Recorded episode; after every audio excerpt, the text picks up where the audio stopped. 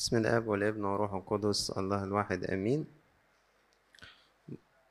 بصوا هن يعني نفتح ال- الكتاب المقدس من موبايلاتنا على آه، سفر صموئيل الأول من أول أصحاح عشرين.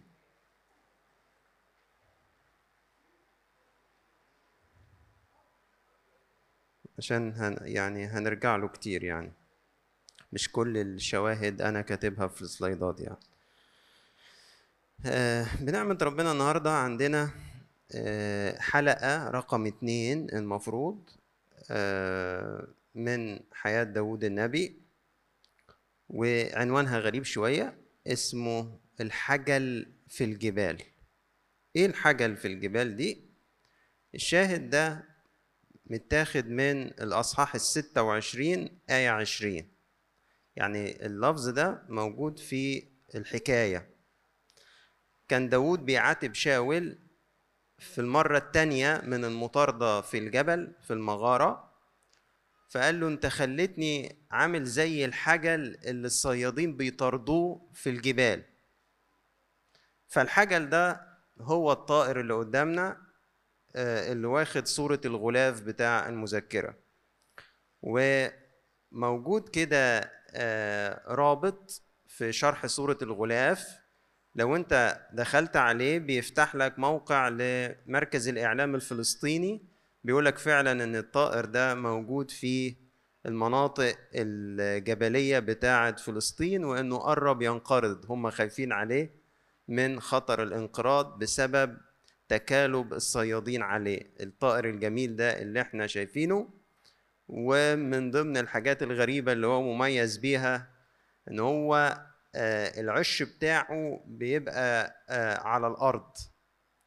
فلما بيلمح خطر على الصغار بتوعه بيبتدي يقرب من مصدر الخطر ويغريه شوية إنه يحسسه أنت ممكن تمسكني أنا. فيبتدي الصياد يطارد ال- الحاجة لنفسه ويبعده حبة حبة عن العش.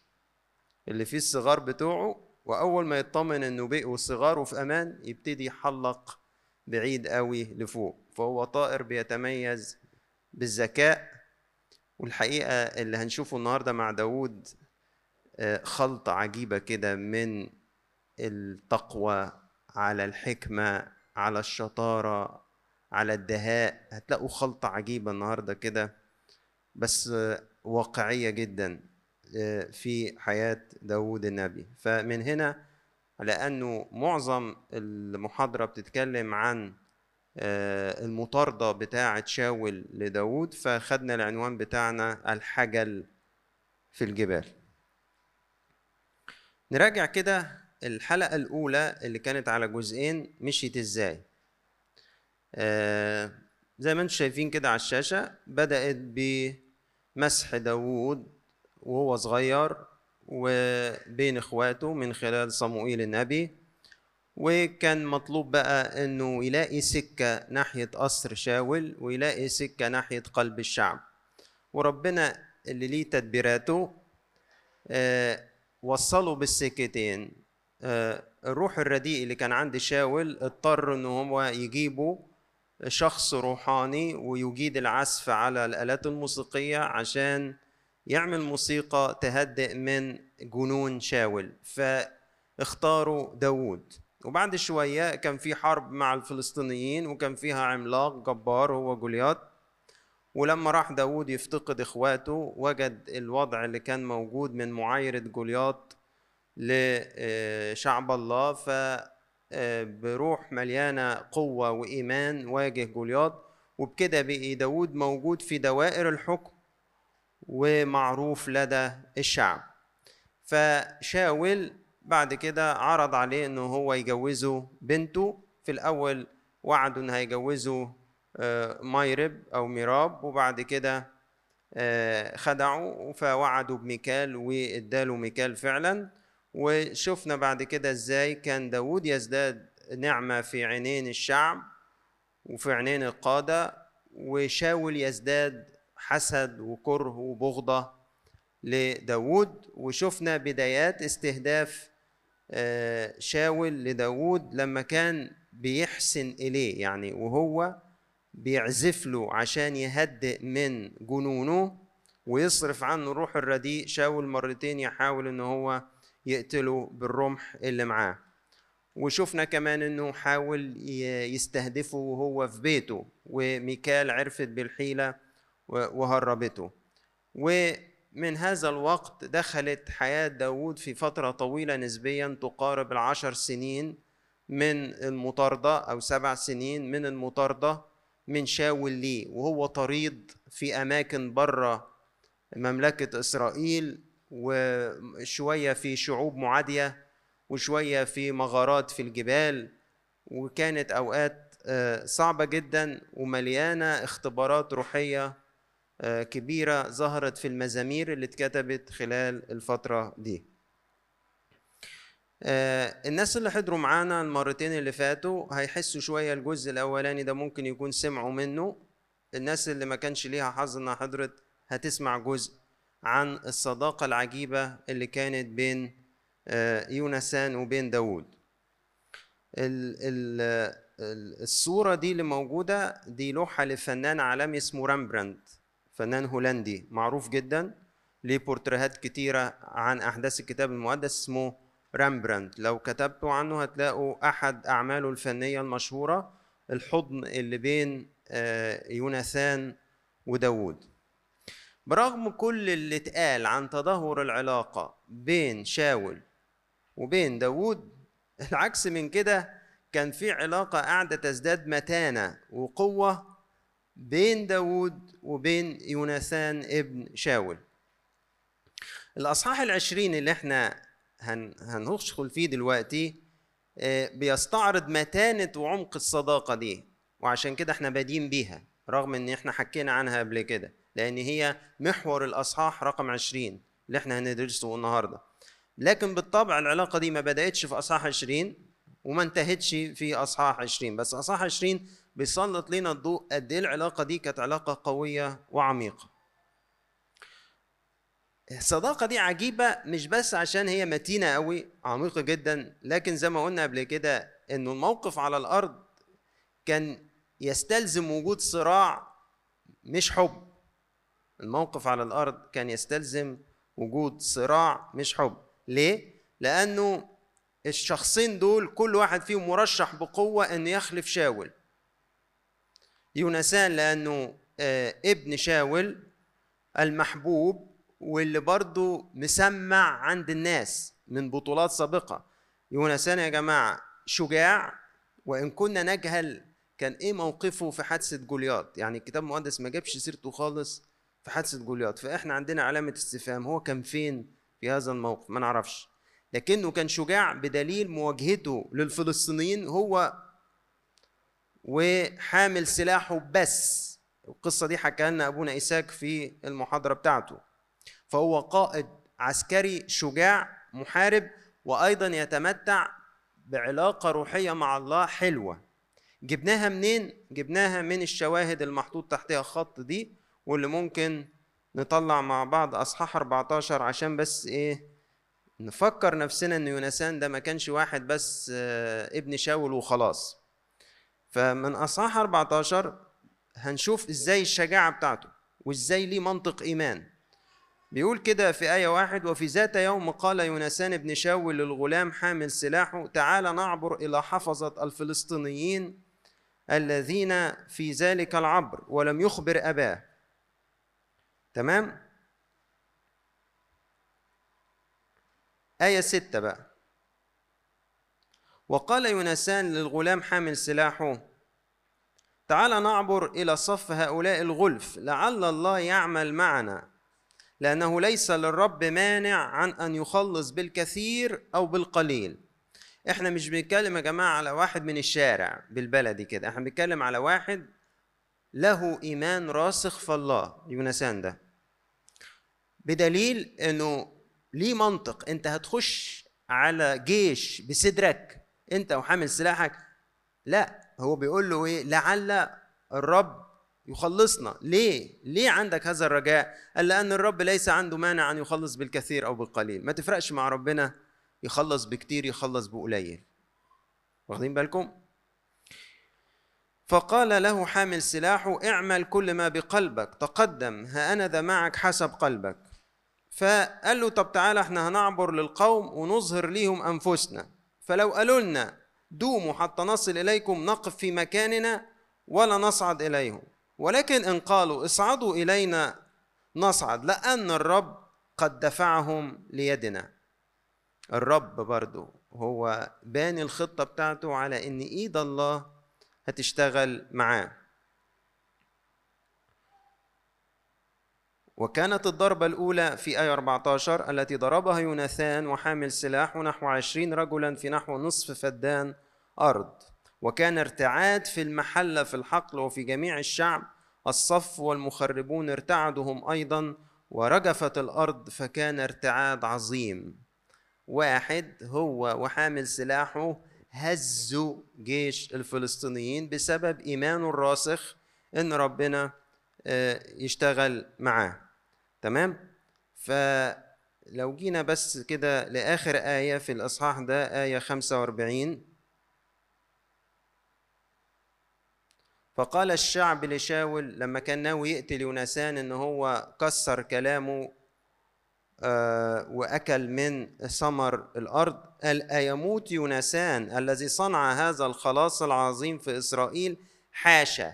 الآية دي بتبين لنا يا جماعة شعبية يونسان يونسان يتمتع بشعبية مش مجرد ابن شاول. يونسان كان محبوب من الشعب وكان بطل وكان عنده كان رجل إيمان.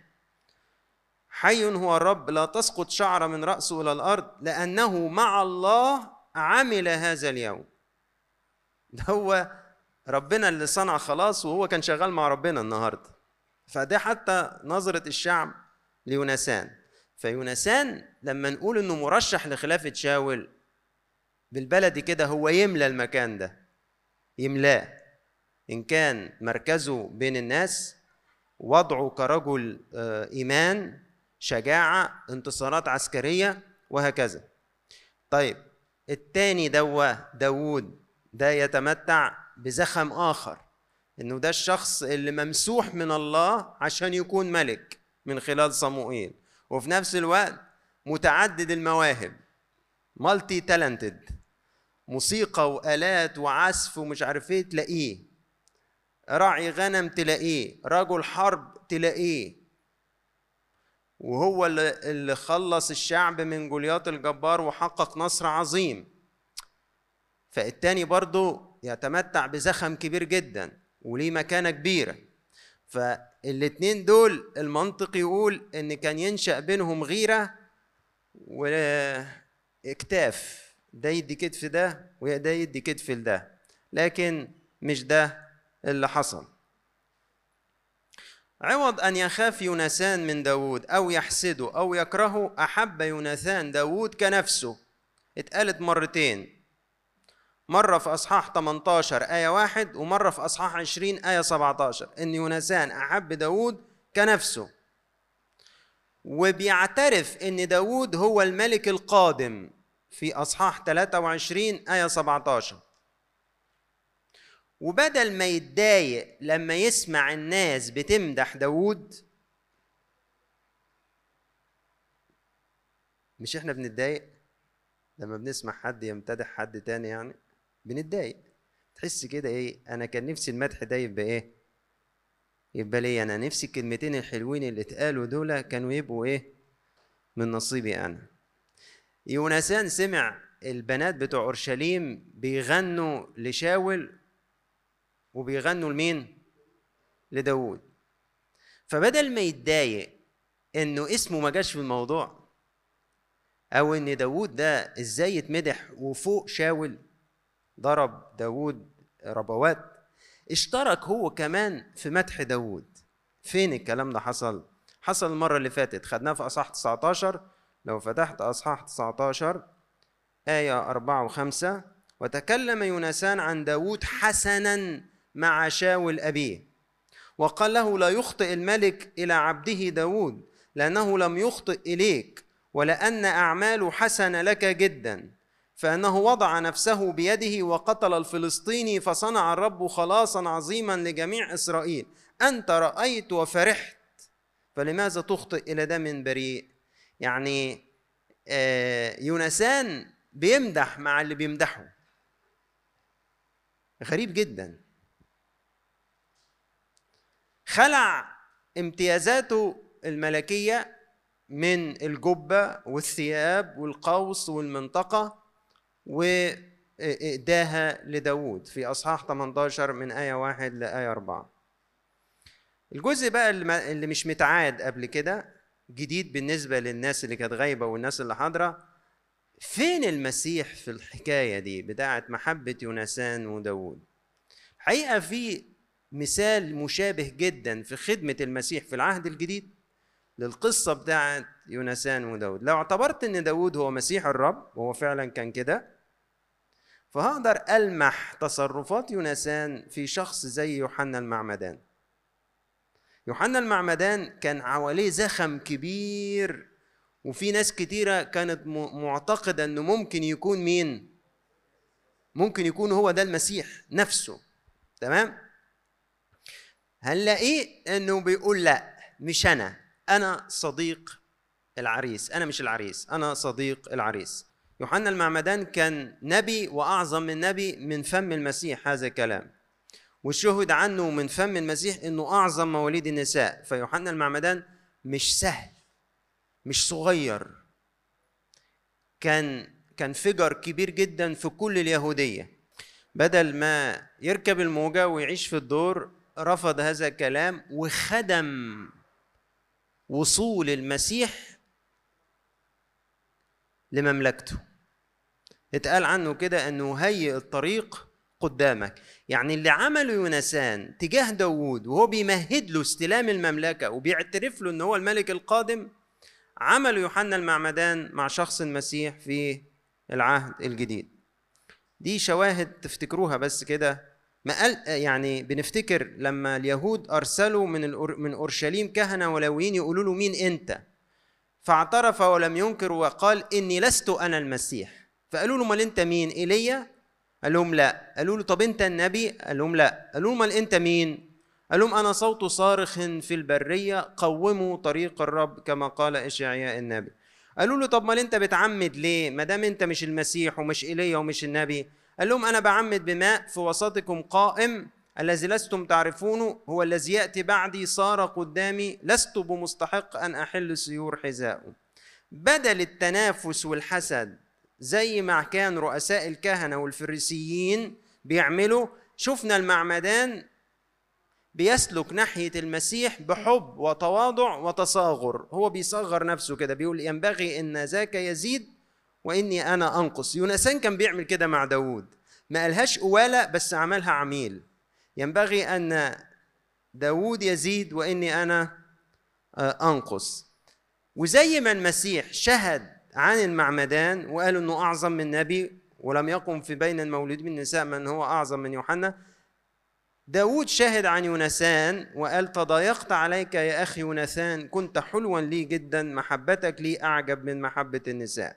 لما جه داود يرثي شاول ويوناثان بعد ما اتقتلوا في الموقعة آه، بس ده لسه هيجي قدام يعني آه، مع الفلسطينيين قال كده عنهم المحبوبان الحلوان شاول ويوناثان أخف من النسور أشد من الأسود. وصفهم كده. إيه، هو طبعا كان يقصد يصفهم في الشجاعة بتاعتهم في القوة بتاعتهم في السرعة بتاعتهم. فقال عليهم إن هم أخف من النسور أشد من الأسود. الأوصاف دي جسمانيا وجسديا تنطبق على الاثنين على شاول وعلى يونسان لكن الأوصاف دي من الناحية الروحية تنطبق على يونسان فقط إنه أسد في مواجهة أهواء النفس ونسر في التحليق في الروحانيات في روحه المتعلقة بالله. يونسان اتعرض لتجربة صعبة جدا آه لما بنتحط فيها إحنا أنا بتألمني جدا. يعني بعترف لكم اعتراف إنها بتألمني جدا. يونسان نجح فيها جدا. أنا بتخيل لو إحنا مجموعة آباء كهنة. وبعدين فجأة كده آه، سيدنا يقول أنا ربنا أعلن لي وكشف لي إني أختار منكم واحد هكلفه بمهمة معينة عظيمة جدا. وقعد يركز سيدنا إن مين اللي كشف له؟ ربنا. ومين اللي أعلن له؟ ربنا. ولقيت أبونا اللي قاعد جنبي هو اللي اسمه بيتندى. وربما أنا كنت متوقع نظرا لأن الموضوع ده يخص خدمة الشباب في كنيسة ماري جرجس فالمنطق بيقول إن مين اللي هيتندي اسمه؟ أنا. وفوجئت إنه بيتنده اسم أبونا تاني وسيدنا قاعد يركز ويعيد ويزيد إن مين اللي اختار أبونا ده؟ ربنا. ده اللي حصل مع يونسان يونسان آه، صحي على واقع إن الله ما اختاروش هو للملك رغم ان هو ابن الملك واختار داوود. مع إن يونسان لسه متكلمين عنه مش ناقصه حاجة. رجل حرب رجل إيمان. مكرم ومحبوب من الشعب. يعني يونسان مش وحش يونسان رائع. بس مش هو اللي اختاره ربنا إنه يكون الملك. اختار واحد تاني مجهول ما كانش حد يعرف عنه حاجة. ما كانش سهل ابدا على يونسان إن الموضوع ده يعدي بدون ما يحمل مرارة بينه وبين مين؟ وبين ربنا مش صح؟ هي المشكلة دي لما هتخبط لما تخبط مع واحد زي شاول يخبط في داوود صح؟ لأن البعد بين السماء والأرض عند شاول ضعيف لكن لما تخبط التجربة دي في واحد زي يونسان مش هيخبط في داوود هيخبط في مين؟ في ربنا. لأنه حاسس ان أو فاهم إن مين اللي بيختار داوود؟ الله. وبالتالي فالمشكلة اللي هتنشأ هتنشأ بين يونسان وبين بين الله. بس هي ما نشأتش أصلا. الفرضية اللي أنا قاعد أمشي فيها ما حصلتش.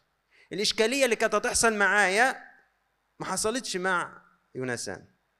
وده بيدل إن يونسان ده ما كانش واحد وبس. ما كانش شخص وخلاص.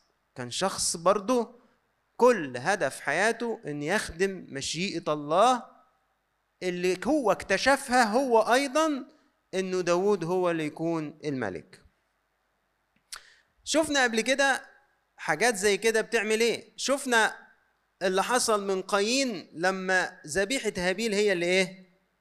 اللي قبلت عدى الموضوع ده؟ ما عداش ده وصل الأمر إنه قايين عمل إيه؟ قتل هابيل شفنا الموضوع ده لما يعقوب هو اللي أخذ البركة مش عيسو. شفنا الموضوع وصل لحد فين؟ إنه كان عايز يقتله. وفضل يعقوب هربان بغض النظر عن سلوك يعقوب الخاطئ طبعا. آه، شفنا قد إيه فضل هربان عشان عيسو عايز يقتله. لكن هنا على العكس من قايين ومن عيسو نجد يونسان بيجي في مكان اسمه الحقل. هنقراه دلوقتي في اصحاح 20 ويغير صورة قديمة وحشة عن الحسد في الحقل أيام قايين وهابيل انتهى إزاي؟ ويرسم صورة للحب في حقل جديد بينه وبين داود قايين لما قتل هابيل كان ده فين؟ كان في الحقل. لو فتحنا سفر التكوين أصحاح أربعة عدد ثمانية هتلاقي إن الجريمة بتاعة قتل قايين لهابيل تمت في الحقل وإنه في في حقل ما كان صوت دم هابيل بيصرخ من الأرض. إحنا في حقل آخر بس برضو حقل. نلاقي يونسان رسم فيه لوحة للأغابي. عارفين الأغابي يعني إيه؟ الحب. يوناثان بيرسم في حقل بدل لوحة من الدم زي بتاعة قايين بيرسم لوحة من الأغابي.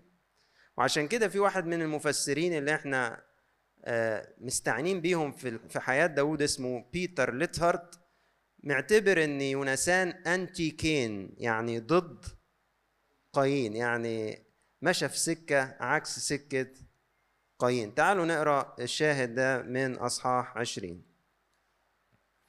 فهرب داود من نايوت أصحاح عشرين آية واحد. فهرب داود من نايوت في الرامة وجاء وقال قدام يونسان ماذا عملت؟ وما هو إثمي؟ وما هي خطيئتي أمام أبيك حتى يطلب نفسي؟ بعد ما شاول نزل ورا داود في الرامة داود هرب وشاول كان قعد يوم كامل بطوله يتنبأ. فراح هرب وراح ليونسان. قال له قول لي بالظبط أنا عملت إيه خطية؟ عملت إيه جريمة؟ عشان أبوك عايز يموتني كده. فقال له حاشا لا تموت. هو ذا أبي لا يعمل أمرا كبيرا ولا أمرا صغيرا إلا ويخبرني به. ولماذا يخفي عني أبي هذا الأمر ليس كذا؟ فحلف أيضا داود وقال إن أباك قد علم أني قد وجدت نعمة في عينيك. فقال لا يعلم يونسان هذا لئلا يغتم. ولكن حي هو الرب وحية هي نفسك. إنه كخطوة بيني وبين الموت. أبوك خب عليك لأنه عارف غلاوتي عندك. لكن صدقني أنا بيني وبين الموت خطوة. فقال داود ليونسان فقال يوناثان لداود مهما تقل نفسك أفعله لك. أؤمر. شايف إيه؟ قال له بص رأس الشهر غدا. وده بيبقى ليه طقس بيمتد لمدة يومين وليمة في رأس الشهر. فالمفروض إنه في رأس الشهر في الوليمة دي هيقعد داوود ضمن العظماء بتوع المملكة ياكل مع شاول لمدة يومين. فقال له ارسلني فأختبئ في الحقل إلى مساء اليوم الثالث. يعني هغيب اليومين بتوع إيه؟ الوليمة بتاعت رأس الشهر. هستخبى في الحقل لحد إيه؟ تالت يوم. وإذا افتقدني أبوك لو أبوك سأل عني قل له طلب داود مني طلبة أن يركض إلى بيت لحم مدينته لأن هناك ذبيحة سنوية لكل العشيرة. قل له أن أنا استأذنت منك ورحت بيت لحم أقدم وليمة. طبعا ده كذب ولا حق؟ كذب. فتعمل معروفا مع عبدك لأني بعهد الرب أدخلت عبدك معك. وإن كان في اسم اقتلني أنت يعني لو أنا في شر موتني أنت بلاش أبوك. فقال يونسان حاشا لك لأنه لو علمت أن الشر قد أعد عند أبي ليأتي عليك أفما كنت أخبرك به؟ فقال داود ليونسان من يخبرني إن جاوبك أبوك شيئا قاسيا؟ هعرف منين؟ فيونسان قال لداود علامة. قال له تعالى نطلع للحقل فخرج كلاهما إلى الحقل قال يونسان لداود بصوا بقى بيكلم داود وهو بيصلي. وقال يونسان لداود طب قال إيه؟ يا رب إله إسرائيل متى اختبرت أبي مثل الآن غدا أو بعد غد؟ فإن كان خير لداود ولم أرسل فحينئذ فأخبره فهكذا يفعل الرب ليونسان وهكذا يزيد. يعني لو كان نية أبويا ناحية داود خير وأنا ما بلغتوش هكذا يفعل به الرب وهكذا يزيد. والعكس بقى ولو استحسن أبي الشر نحوك فإن أخبرك وأطلقك فتذهب بسلام. أبعت لك وأقول لك وتذهب بسلام. بصوا بقى وليكن الرب معك كما كان مع أبي. أنا وأنا بقراها الآية دي حسيت إني بحضر فيلم رومانسي كده ودموعي هتنزل يعني واحد عرف إن روح الرب فارق أبوه بأي نفسية بيقول لداود وليكن الرب معك كما كان كما كان مع أبي.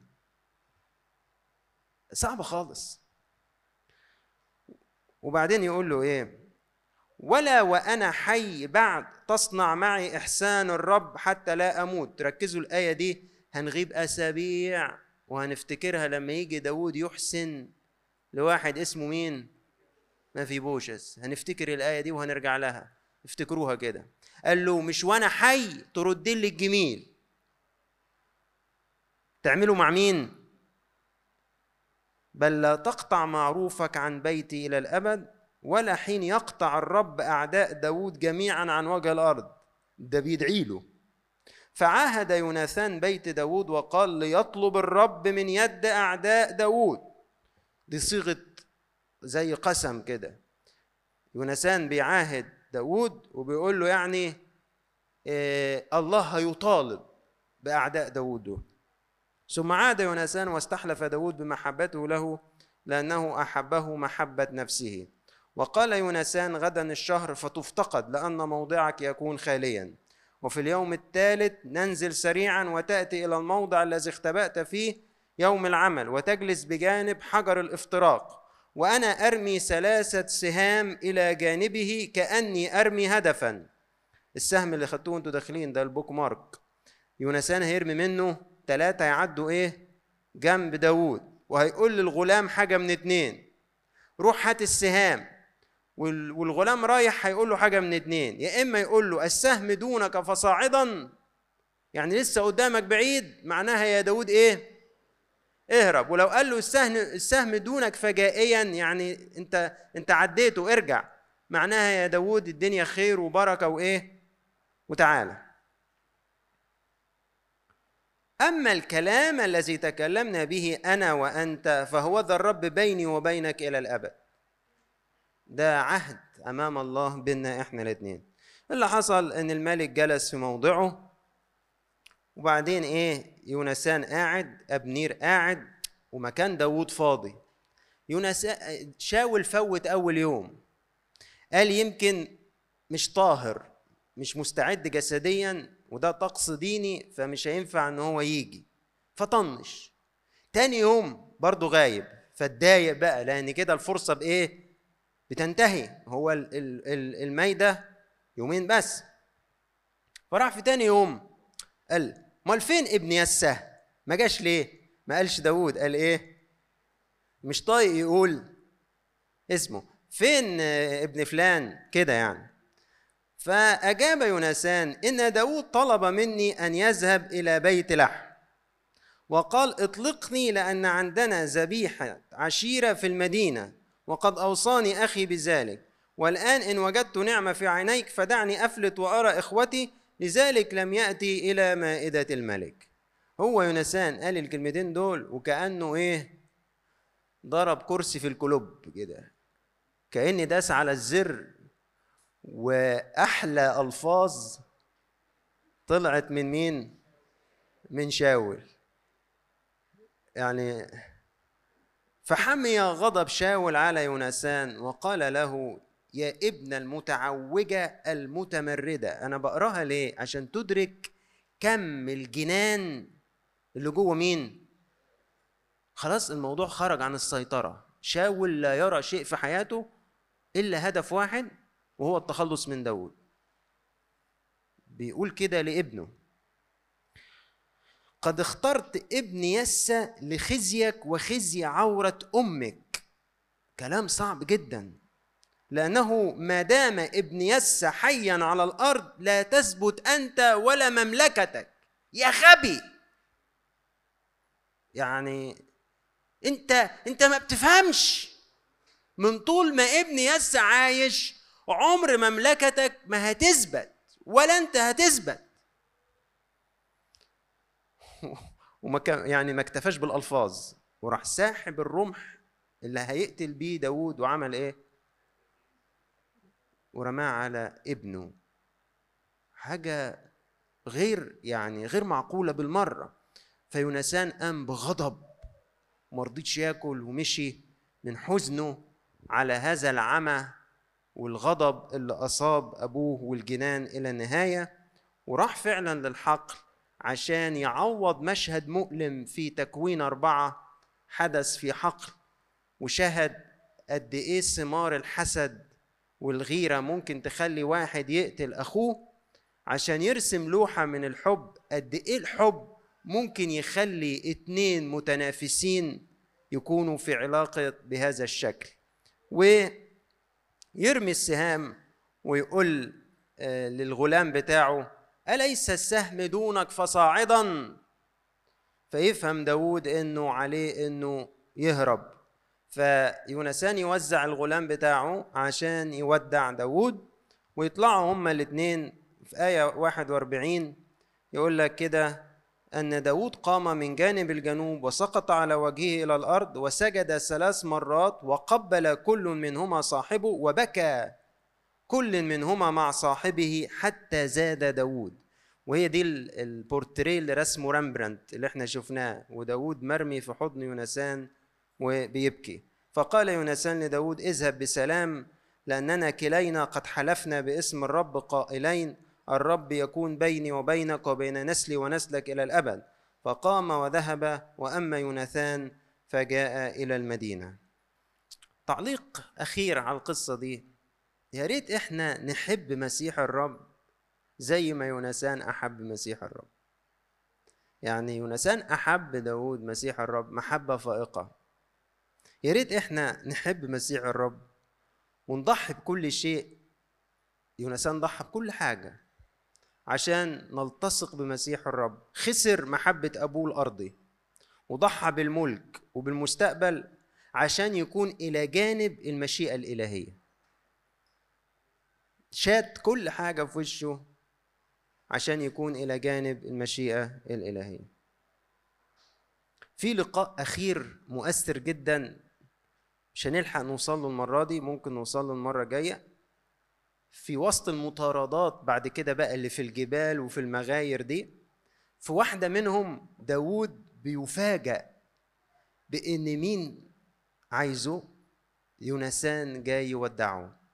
جاي يشدد يده بالله وسط ما هو مستخبي في المغاير ومطارد من شاول يفاجأ بضيف كده يعني إيه ده؟ وسط الغلب اللي أنا فيه ده مين ده اللي جاييني؟ جاي له يونسان يقول لك كده فقام يونسان بن شاول وذهب إلى داود إلى الغاب وشدد يده بالله. يا سلام الزيارة دي إيه دي؟ دي افتقاد سماوي. وقال له لا تخف. بصوا الكلام. لأن يد شاول أبي لا تجدك. ما تخافش مش هتموت يا داود إيد أبويا مش هتوصل لك. وأنت تملك على إسرائيل. وأنا أكون لك ثانيا. وما كانش يعرف إن هو هيموت. مش هيحضر المشاهد دي. كان عنده استعداد إن داود يبقى الملك وهو يبقى بعديه. كانش يعرف إن هو هيتقتل. وأنا اكون لك ثانيا وشاول أبي أيضا يعلم ذلك. وعلى فكرة شاول عارف كده. فقطع كلاهما عهدا أمام الرب وأقام داود في الغاب وأما يوناثان فمضى إلى بيته. يا لهذه الأيدي الطوبوية التي جاءت لتشدد نفس داود المكسورة من الحزن والظلم والخوف. ما أعظم واقع كلماتك يا يوناثان القديس على أذان داود مسيح الرب وعلى قلبه؟ يوناثان يبرئ يده بشكل عجيب من ذنب والده تجاه داود. بكده بنكون آه، أنهينا النقطة بتاعت صداقة يونسان بداود بكل أبعادها وبنشوف بقى السهم اللي دونك فصاعدا ده هيوصل داود لحد فين. في تعليق هي هي يعني هيستمر معانا لأنه هنلاحظ الفترة اللي جاية دي داود هيمارس الكذب والخداع كتير. ففي رأيين في القصة دي. اتنين من المراجع اللي إحنا مستعنين بيها. واحد اللي هو بيتر ليتهارد بيعتبر إن ده نوع من الحكمة الإلهية وبيبرر إن داود مارس الحكمة في تحاشي مواجهة بينه وبين شاول لأنه لو حصلت هتكون كارثية أيا كان الفائز فيها مين. فده نوع من الحكمة مارسه داود لأن هنشوف فيه أمثلة كتير. أما ألفريد أدرزهايم وده لاهوتي يهودي اتنصر ألماني واحد من علماء كتاب مقدس الكبار انتقد تصرفات داوود صراحة سواء الكذبة اللي بتاعت الحقل دي أو غيرها اللي جاي دوا هنشوف حاجات تانية. وشاف انه كل مرة داوود ما التزمش الصدق انتهت بفشل وبحزن. وقال كده علينا أن نميز بين ما أجازه الرب لأنه صح وبين ما تحمله من أخطاء صدرت من رجاله بسبب غلاظة وقساوة قلوب أولئك الذين لم يتدربوا روحيا بعد. ربنا اعتبرهم انهم في زمان جهل ففوت.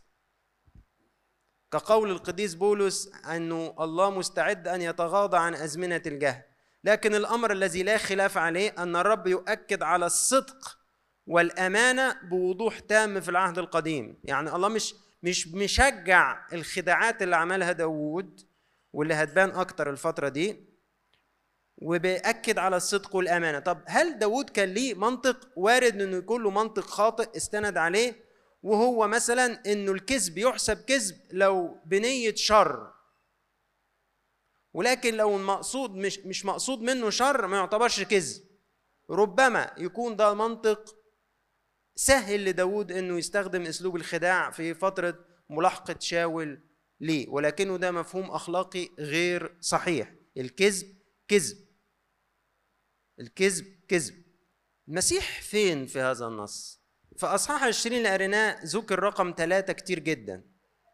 والشراح يعتبروه إشارة لرقم القيامة. وكأني داوود اختبر الخلاص من الموت مرات عديدة في الفترة دي ودي حقيقة. كما إن مسيح الرب اللي هو شخص ربنا يسوع المسيح خلص من الموت في اليوم الثالث كمان في حتة أوضح منها إن داود تسبب في إلقاء العداوة والسيف بين شاول وبيته بينه وبين ابن يونسان وبينه وبين بنته ميكال. زي ما الرب قال إنه لا تظنوا إني جئت لألقي سلاما بل سيفا. جئت لأفرق الإنسان ضد أبيه. فعلا. داود كان سبب في حاجز كبير حصل بين شاول وبين يونسان داود مسيح الرب في العهد القديم. زي ما المسيح ربنا يسوع هيقول عن نفسه إنه جاء ليفرق الإنسان ضد أبيه.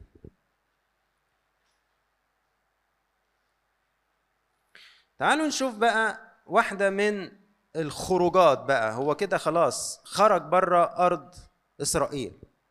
فهيروح لنوب. نوب دي مدينة من مدن إسرائيل كانت مخصصة للكهنة وكان فيها خيمة الاجتماع بعد ما خربت آه، شيلو اتنقلت خيمة الاجتماع لنوب آه، ونيب نوب دي في منطقة اسمها جبعة أو آه، جبعون منطقة تبع أرض بنيامين اللي أصلا منها شاول. أصحاح 21 آية واحد. فجاء داود إلى نوب إلى أخي مالك الكاهن أخي مالك ده كان رئيس الكهنة وكان عجوز جدا فكان بيساعده في ممارسة أعمال رئاسة الكهنوت ابنه أبي يثار فاضطرب أخي مالك عند لقاء داود وقال له لماذا أنت وحدك وليس معك أحد؟ خير إيه اللي جابك؟ كان ساعتها لسه الفيسبوك لسه ما طلعش. فأخيمالك مش عارف إن شاول متجنن على مين؟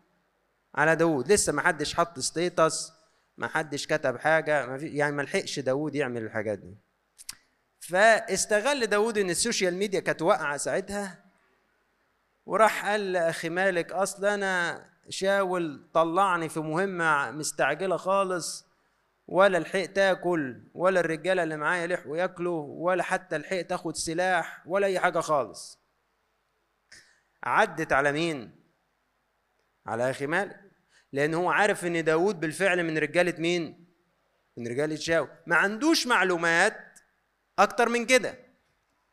فراح قال له ما عندكش حاجة تتاكل؟ فقال له ما فيش هنا غير خبز مائدة الوجوه. اللي هو أصلا ما حدش ياكله غير مين؟ غير الكهنة. فألفريد ادرزهايم واخد الحتة دي وبيقول دليل على كم الانحدار الروحي اللي كان موجود في هذا الوقت إنه مفيش ذبايح مفيش أي حاجة لدرجة إن رئيس الكهنة بجلالة قدره ما عندوش حاجة يأكلها لمين؟ لداود لحد بيقدم ذبايح ولا في خير ولا في أي حاجة خالص. ما عندوش يا عيني غير خبز مادة الوجوه. راح هو استعمل قانون إن الرحمة أهم وراح مديه لمين؟ لشاول لداود. اداله خبز مائدة الوجوه. الشاهد اللي هيجي الرب يسوع في العهد الجديد القصة دي ويستند عليها لما يقولوا له ليه تلاميذك بيقطفوا سنابل في الحقل يوم السبت؟ فقال لهم أنتوا ما قريتوش اللي عمله داوود لما راح بيت الرب وأكل الخبز الذي لا يحل أكله إلا للكهنة إني أريد رحمة لا ذبيحة. أدي أهو بصوا بصوا الحاجات مبنية على بعض إزاي. أدي الشاهد اللي استند عليه المسيح في العهد الجديد. لمرة تانية داوود بيكذب بس الكذبة بتاعته المرة دي كان تمنها صعب جدا جدا. هنشوف بعد كده إيه اللي حصل. قال له طب ما عندكش سلاح؟ قال له ما فيش غير سيف جولياط اللي انت زمان قتلته بيه. كان موجود فين؟ في خدمة الاجتماع. فراح مديهوله. فمشي داود من عند أخي مالك وهو واكل هو ورجالته من خبز مائدة الوجوه ومعاه السيف بتاع مين؟ بتاع جولياط. وهرب. لأجل البخت الوحش بتاع أخي مالك كان في واحد من رجالة شاول تقريبا راعي من الرعاة بتوع القطعان بتاعته اسمه دواغ الأدومي. كان رايح خيمة الاجتماع لأجل تطهر طقسي. يمارس نوع من الطهارة الطقسية.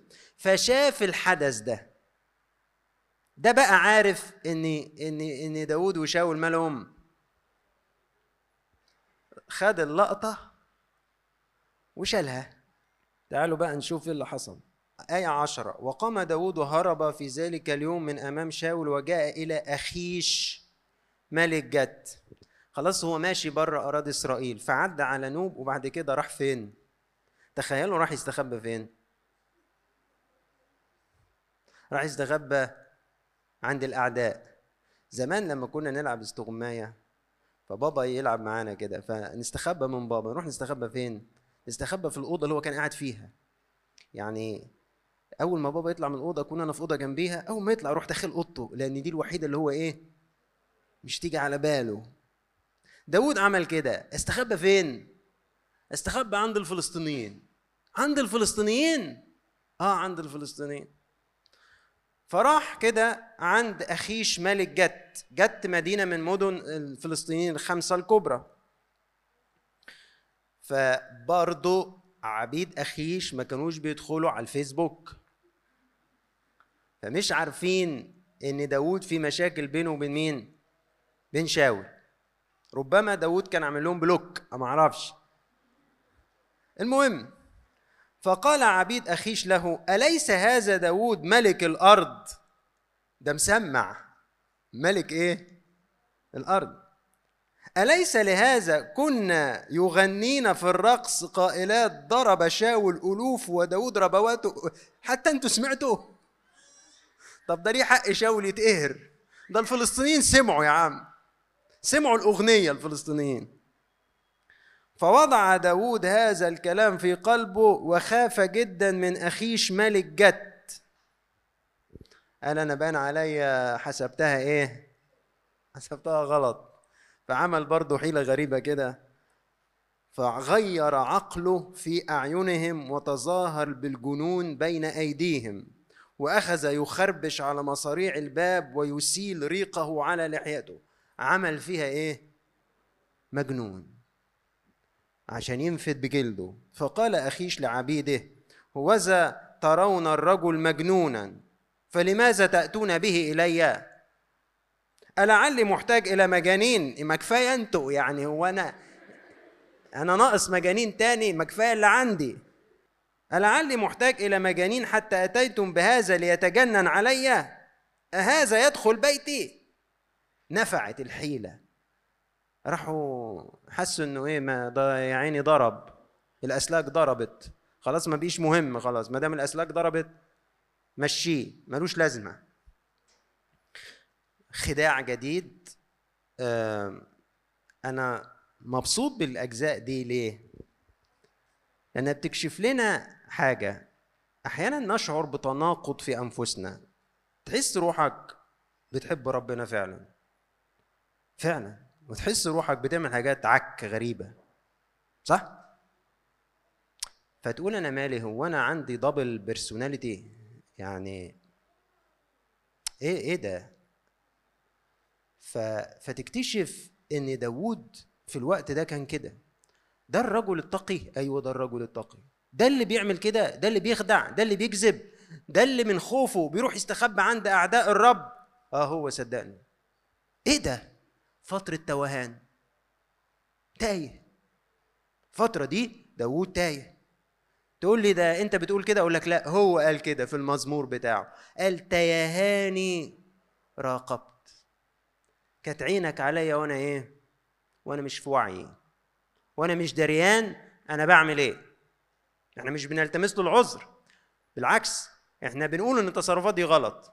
بس بنقول إن هو ده حقيقة إحنا ما إحنا كتير قوي بنبص على تصرفاتنا أحس إني بعمل الحاجة وناقدها. أحس إني بحب ربنا وبكرهه. أحس إني بحب المسيرة الروحية وأحس إني مش طايق الحياة مع ربنا. أحس إني بعمل تصرفات رائعة جدا وأحس إني بعمل تصرفات غبية جدا. إيه ده؟ أنا تايه. طب والناس اللي من النوع ده في توهانها ربنا بيعمل إيه؟ عينه عليها. عشان كده في مزامير رائعة اتسجلت في الفترة دي. قبل ما من من يعني ما نروح للجزء بتاع ذهابه لارض مواب تعالوا نشوف المزمور ده. مزمور 56 وفي السبعينية 55 السبعينية دي اللي ماشي بيها ترقيم الإجبية. 56 ده الكتاب المقدس طبعا البيروتية اللي عندك في البيت أو اللي على الموبايل. بيقول كده عنوان المزمور كده يا جماعة. للغاية أو إلى النهاية. مكتوب كده في عنوان المزمور. للناس الذين هم بعيدين عن الأماكن المقدسة. بواسطة داود للكتابة على نصب تذكاري حينما قبض عليه الأجانب في جت. يعني يعني مناسبة المزمور أكيدة موثقة إن المزمور ده اتقال في الوقت اللي كان مرعوب فيه من الموقف اللي حط نفسه فيه. خدتوا بالكم؟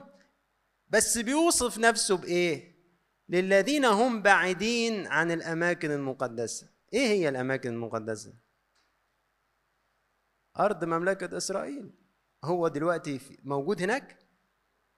هو أبعد عن هناك. فهو بيقول المزمور ده وهو متألم للذين هم بعيدين عن الأماكن المقدسة. هو حازز في نفسه جدا إن شاول يضطر يسيب أرض الرب. حين قبض عليه الأجانب في جد. الكلام ده ليه ما يؤكده. في إصحاح 26 آية 19 داوود بيعاتب شاول لما كان في إيده يقتله وبعدين عفى عنه للمرة الثانية فوسط الحوار بينهم قال له فالآن فليسمع سيد الملك كلام عبده. إن كان الرب أهاجك ضدي فليشتم تقدمة. يعني لو اللي مقومك عليا ربنا يقبلني ذبيحة أنا مستعد أموت ما عنديش مشاكل. وإن كان بنو الناس لو كانوا الناس اللي هم بيوقعوا فليكونوا ملعونين أمام الرب. ليه طيب؟ لأنهم قد طردوني اليوم من الانضمام إلى نصيب الرب قائلين اذهب اعبد آلهة أخرى. لأنهم هم اللي أبعدوني عن الأماكن المقدسة. هم السبب اللي خلوا واحد زي أنا يبقى موجود في جت وبعد شوية يبقى موجود في بلاد موآب للذين هم بعيدين عن الأماكن المقدسة. المزمور ده بيظهر شكوى داود من مضطهديه. ارحمني يا الله لأن الإنسان يتهممني واليوم كله محاربا يضايقني. تهممني أعداء اليوم كله لأن كثيرين يقاومونني بكبرياء. اليوم كله يحرفون كلامي. علي كل أفكارهم بالشر. يجتمعون يختفون يلاحظون خطواتي عندما ترصدوا نفسي. وبرضه بيبان في المزمور خوفه واتكاله على ربنا. لما حصل الموقف بتاع إن هم خدوه وقبضوا عليه وودوه لأخيش. قال كده في يوم خوفي أنا عليك أتكل. فين يا عم أنت اتكلت على ربنا؟ أنت لما خفت مثلت نفسك إن أنت إيه؟ مجنون. أنت هنا بتقول لأني عليك أتكل. ما إحنا بنقول. بنقول ده ده علامة الاستفهام اللي إحنا بنستغربها على نفسنا لما نبقى متوهين هو إحنا بتوع ربنا ولا مش بتوع ربنا؟ هو إحنا بنتصرف بطريقة روحية ولا بنتصرف زي أهل العالم؟ هو إحنا مش هو إحنا إيه؟ في الموقف ده إحنا الاتنين إحنا تايهين الله افتخر بكلامه على الله توكلت فلا أخاف ماذا يصنع بي البشر على الله توكلت ماذا يصنع بي الإنسان؟ ثم نرى نجاة داود من الموت وتسبيحه لله في مشهد يتكرر كتير لأن داود اختبر كثيرا خبرة الفصح أي القيامة والنجاة من الموت. فبيختم المزمور بيقول كده اللهم علي نزورك أوفي ذبائح شكر لك لأنك نجيت نفسي من الموت. نعم ورجلي من الزلق لكي أسير قدام الله في نور الأحياء. مزمور 34 بقى برضو على نفس المناسبة أو 33 في السبعينية. عنوانه كده لداود عندما غير عقله قدام أبي مالك فطرده فانطلق. عشان كده مهم إن تقروا القرايات اليومية لأن المزامير دي إحنا معلقين عليها في القرايات اليومية. ممزوجة بالأحداث بتاعة حياة داود. بيقول كده طلبت إلى الرب فاستجاب لي ومن جميع مخاوفي نجاني.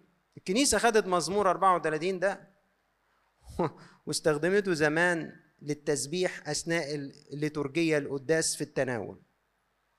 لو قريت آه، عظات القديس أغسطينوس على المزامير وطلعت الجزء اللي فيه شرح مزمور 33 في السبعينية هتلاقيه بيحكي لك إن المزمور ده إحنا ليه بنصليه أثناء التناول.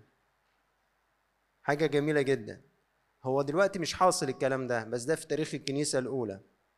وأنا هنا في المذكرة مسجل لك بناء على استخدام الكنيسة ليه زمان في إفخارستية التناول آه بنطبق علينا إيه الطريقة اللي ندخل بيها نتناول بناء على كلمات المزمور. ما دام الكنيسة استعملته في هذا الغرض. بس خلاص أنا بختم فما عنديش إمكانية إن أنا آه أعلق عليها. الكنيسة طبعا واخدة آية 8 دي ذوقوا وانظروا ما أطيب الرب. هو ده اللي خلاها تحط المزمور ده أثناء التناول. ذوقوا وانظروا ما أطيب الرب. فخدت بعد كده كلمات في المزمور تقول إحنا إزاي نستعد للتناول من خلال كلمات المزمور. بروح وديعة كمان هو غريب على الأرض أو عابر بها. بروح مسكينة متضعة بخوف الله برجاء في حياة الدهر الآتي بشفاه نقية وبقلب يطلب آه، السلام.